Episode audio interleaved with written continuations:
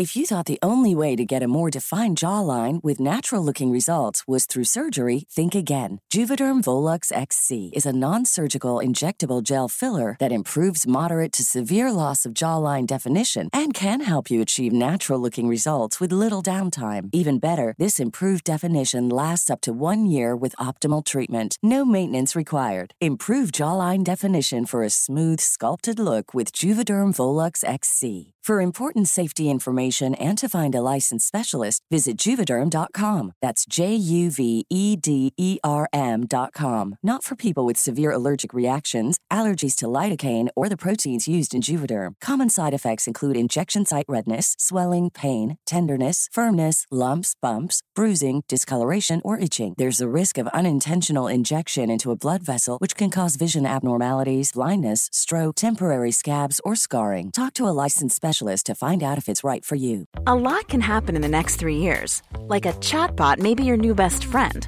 But what won't change? Needing health insurance. United Healthcare Tri Term Medical Plans are available for these changing times. Underwritten by Golden Rule Insurance Company, they offer budget friendly, flexible coverage for people who are in between jobs or missed open enrollment. The plans last nearly three years in some states, with access to a nationwide network of doctors and hospitals. So, for whatever tomorrow brings, United Healthcare Tri Term Medical Plans may be for you. Learn more at uh1.com. Hej och välkommen tillbaka till Storytime.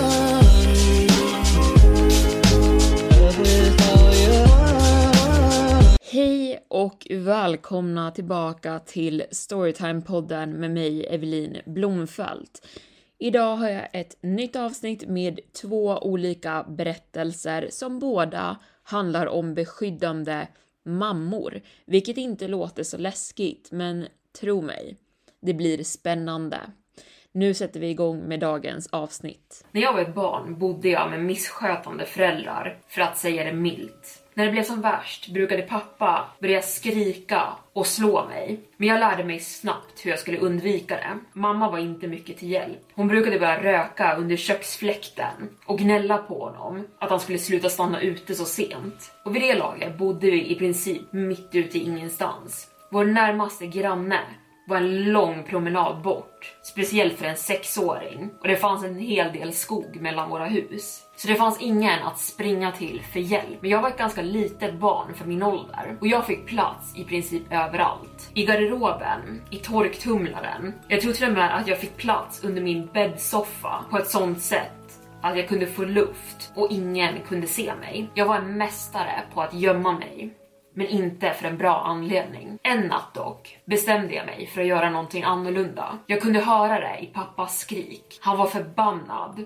och på väg att bli våldsam. Mamma hjälpte inte till heller och praktiskt taget hällde bensin på elden. Så jag visste att jag var tvungen att hitta ett bra gömställe ikväll. Jag hade fått idén några dagar tidigare när jag hade insett att en av träbjälkarna som täckte för undre hälften av bakverandan hade ett hål i sig. Inte stort nog för att en fullvuxen man skulle få plats, men det kunde lätt rymma en tanig liten sexåring. Så jag virade in mig själv i min filt, tog tag i min gosedjurselefant och sen smet jag ut ur mitt fönster och sprang till baksidan.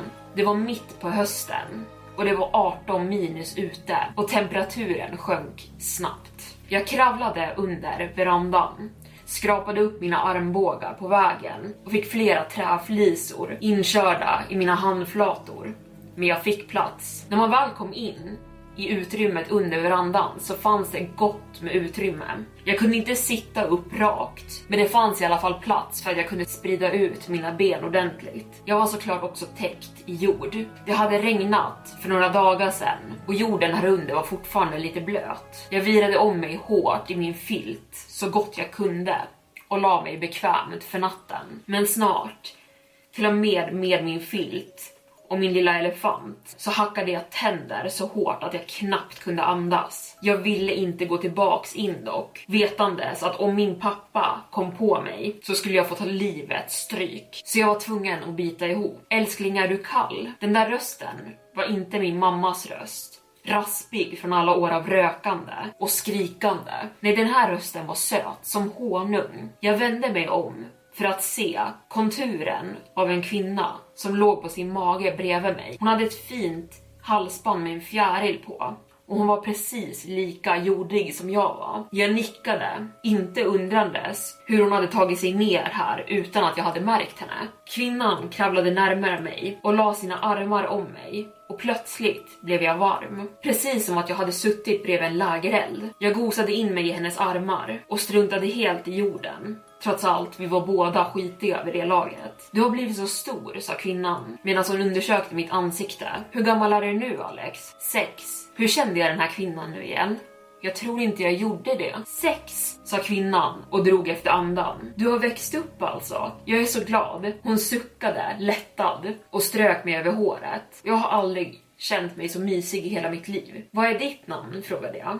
Hon log. Jag kunde höra det i hennes röst. Jag heter Lilly. Vad är din favoritsak att göra? frågade hon. Jag var tvungen att tänka efter en stund. Jag gillar brädspel och att måla. Lilly skrattade till. Precis som mig då. Jag kunde aldrig få nog av Scrabble. Men jag antar att du fortfarande är lite för ung för att spela det va? Jag nickade. Det är för mycket ord. Jag vill spela det dock. Jag gillar de små brickorna. Skulle du kunna spela med mig? Jag hörde hur Lilly snabbt drog efter andan. Jag tror inte jag kan. Din pappa satt ner mig här och jag kan inte lämna det här stället.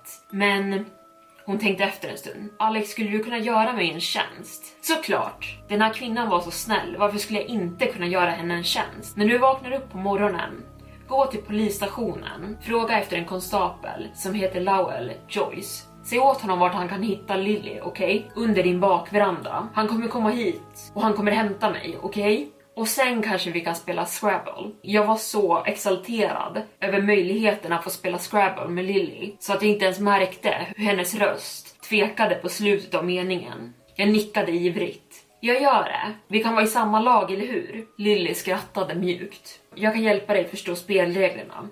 Godnatt nu Alex. När jag vaknade upp nästa morgon hörde jag Lillys röst.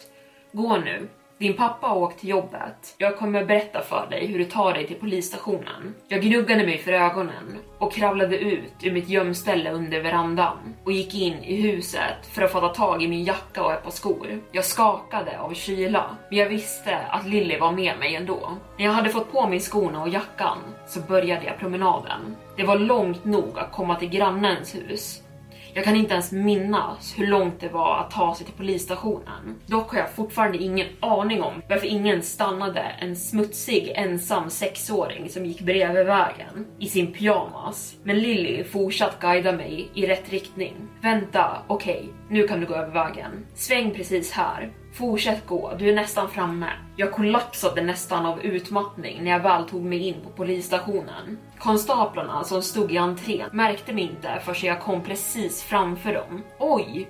Grabben, är du okej? Okay? sa en av poliskonstaplarna och knäböjde vid min sida. Med breda ögon. Jag nickade. Jag är okej. Okay. Kan jag få tala med Lowell Joyce? frågade jag. En av konstaplarna lyfte upp mig. Ja, absolut grabben, absolut. Vi ska bara värma upp dig först. Herregud, dina läppar är blåa. Jag fick lite varm O'boy och virades in i en tjock filt. Och sen kom en äldre man in i rummet med en grå mustasch och satte sig bredvid mig. Hej grabben, jag är sheriff Joyce. Vad heter du? frågade han. Alex. Jag satt ner min mugg av varm O'boy och såg honom rakt i ögonen. Jag blev ombedd att säga åt dig att Lilly är under bakverandan. Du måste få ut henne därifrån så vi kan spela Scrabble. Jag hade aldrig sett en vuxen man bli så blek för i mitt liv. Flera händelser smälte samman snabbt efter. Jag kommer ihåg att jag togs tillbaka till mitt hus och att det var många polisbilar och poliser vid platsen. Verandan omslöts av gul avspärrningstejp och någon lyfte ur en svart stor säck medans min pappa satt i handklovar och fördes bort. Efter det bodde jag med mina morföräldrar, Sheriff Joyce och hans fru. Jag försökte fråga vad som hände med Lily och vem hon var, men jag fick aldrig något svar på min fråga. Jag var för ung för att veta, men livet blev bättre mycket bättre. Morfar var den bästa mannen jag kunde önskat att få i mitt liv. På helgerna gick vi på bio tillsammans Och han köpte alltid den största läsken av popcornet till mig, trots att jag alltid var tvungen att springa på toa mitt i filmen på grund av läsken. När jag frågade honom om jag fick dricka när jag var 13 så lät han mig testa en öl. Jag spottade ut den direkt och bad honom aldrig om det igen. Han dömde mig aldrig för att jag älskade att måla och han lät mig måla om mitt sovrum flera gånger per år. Jag kände mig säker runt honom och han la aldrig en hand på mig.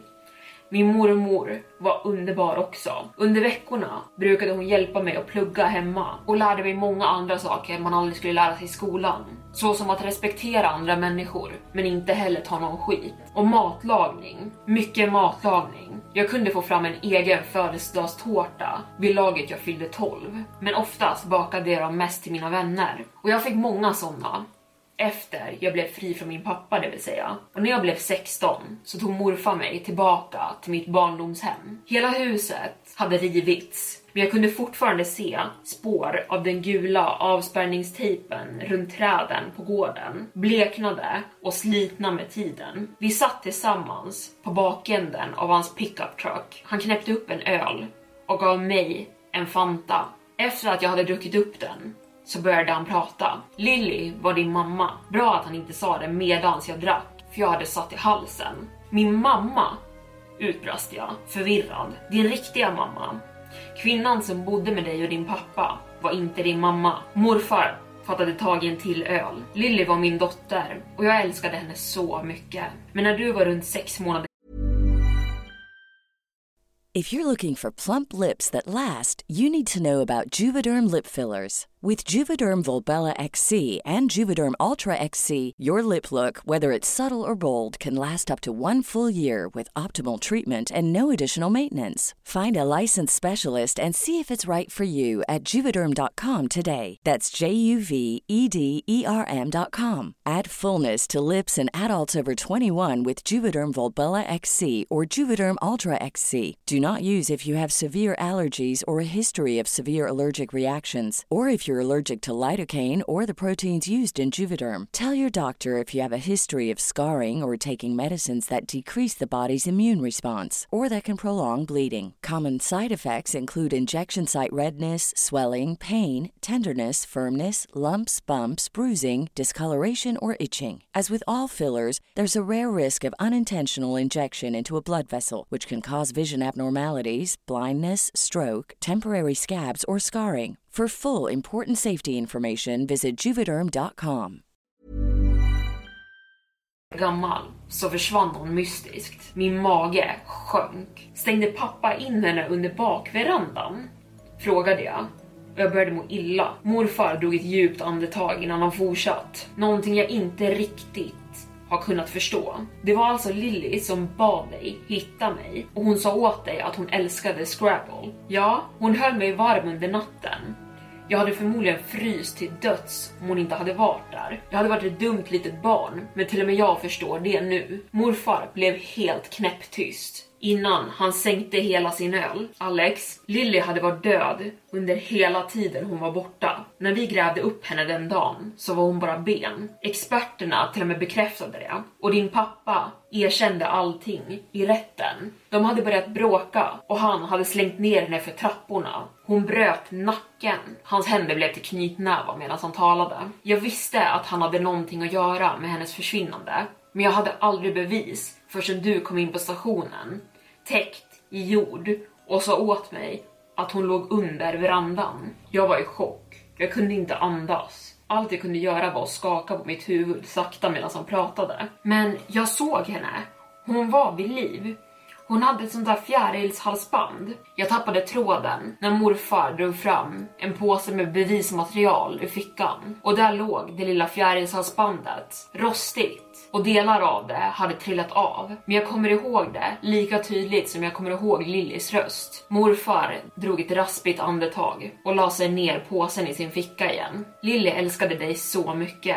Det är därför hon var kvar med den där jäkeln. Du var hela hennes värld. Hon skickade hela tiden vykort med brev till oss. Och ibland kan nog en mammas kärlek göra saker som ingenting annat kan. Mina ögon fylldes med tårar och jag greppade hårt i det lilla halsbandet jag höll i i min hand. Medan jag snyftade lutade jag mig mot morfar. Han höll om mig hårt och jag svär att jag kände några tårdroppar falla ner på mitt huvud. Och just under en kort stund så svär jag att jag kände samma varma kärlek jag hade känt den där kalla natten under verandan. Nästa berättelse. Alla har sin egen mardrömshistoria om deras svärföräldrar. Dock kan jag inte tänka mig att någons är lika illa som min.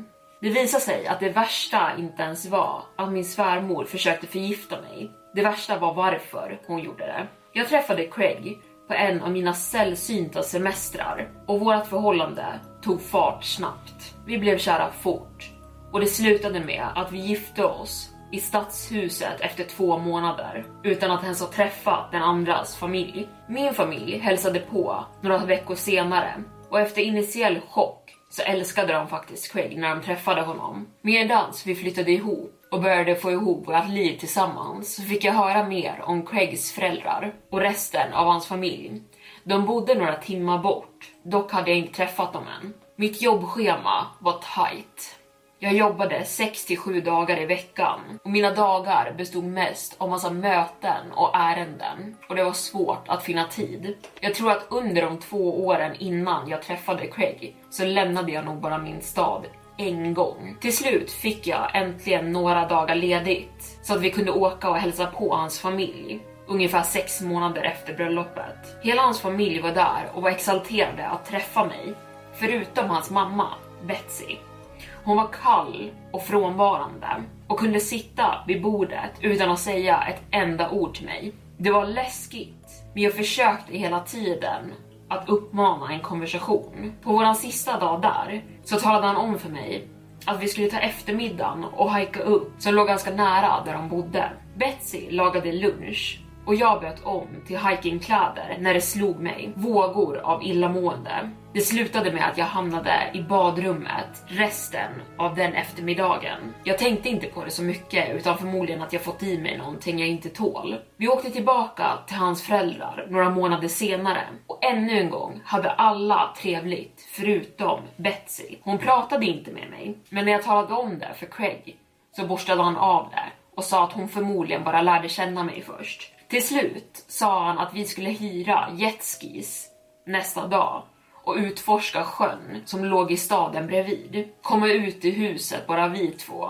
och ta det lugnt, vilket fick mig att må bättre. Jag var så taggad på att berätta för alla vart vi skulle, men det blev inte av. Efter att jag hade ätit blev jag så sjuk så jag knappt kunde gå de nästkommande dagarna. Vid det här laget började jag bli misstänksam. Ingen annan var sjuk och vi alla åt samma mat. Det känns som att Betsy, som lagade maten, måste ha gjort någonting. Men jag var inte helt säker förrän vårt nästa besök när vi hade hyrt en romantisk liten stuga i skogen som låg en timmes körning bort från Craigs föräldrar. Men ännu en gång var vi tvungna att ställa in för att jag blev magsjuk. Nu var jag säker. Betsy förgiftade mig. Craig sa att jag var galen.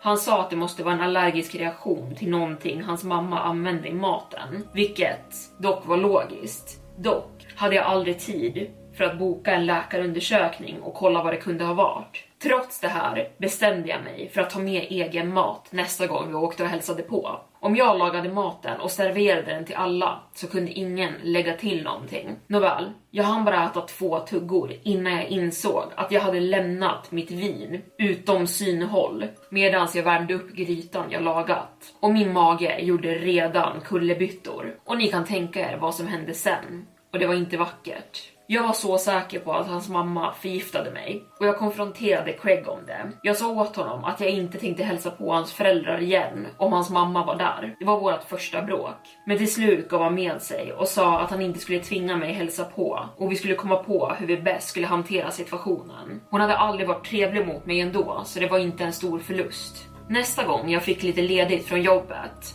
bestämde vi oss för att vi skulle åka till den där stugan vi bokat tidigare men aldrig fått använda. När vi var på väg dit körde vi förbi hans föräldrars hus och det kändes otrevligt att inte stanna. Så vi kompromissade, köpte med oss pizzor och åkte dit. Jag bestämde mig till och med för att inte dricka någonting om det inte var vatten från kranen. Vi kom in, la pizzorna på matbordet när en av hans kusiner plötsligt också anlände och alla lämnade pizzorna obevakade för att hälsa. Jag insåg mitt misstag nästan direkt och jag bestämde mig för att testa ett experiment. Craig och jag hade båda haft två pizzabitar, så jag bara böt våra tallrikar medan alla var i rummet bredvid. Craig blev så sjuk efteråt att jag var riktigt orolig för honom. Körningen tillbaka till staden vi bodde var hemsk. Vi fick stanna flera gånger och han var en enda röra. Vi hade varit tillbaka hemma i tre dagar innan jag bröt ihop och berättade för honom att jag bytt ut tallrikarna. Jag har aldrig sett sån ilska tidigare. Vreden i hans ögon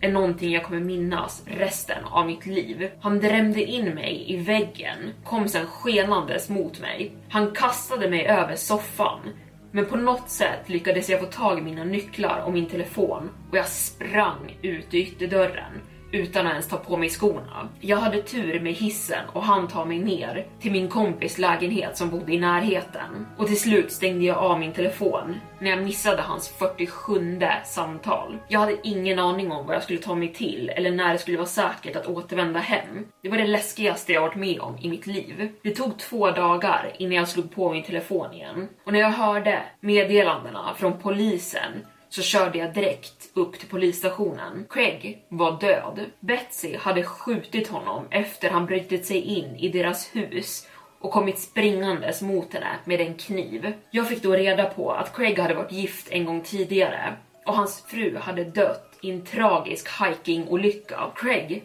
hade fått massor av pengar från hennes livsförsäkring utbetalt och Betsy hade alltid misstänkt att det var Craig som faktiskt dödat henne och var nervös för att låta honom vara ensam med mig någonstans så pass avskilt att han skulle kunna göra något liknande igen. Det var därför hon hade försäkrat sig om att varje gång han planerat in ett sånt tillfälle skulle jag vara för sjuk för att följa med. Det hade inte varit enkelt för henne, men hon trodde inte att jag skulle tro henne om hon berättade sanningen. Ingen annan hade gjort det när hon berättat sina misstankar om sin son. Efter det fick jag reda på att de tagit ut min livsförsäkring utan min vetskap och jag vägrade anmäla Betsy för vad hon hade gjort. Hon försökte bara beskydda mig och nu besöker jag henne fortfarande varje gång jag är i närheten och varje gång jag behöver komma ut ur storstaden.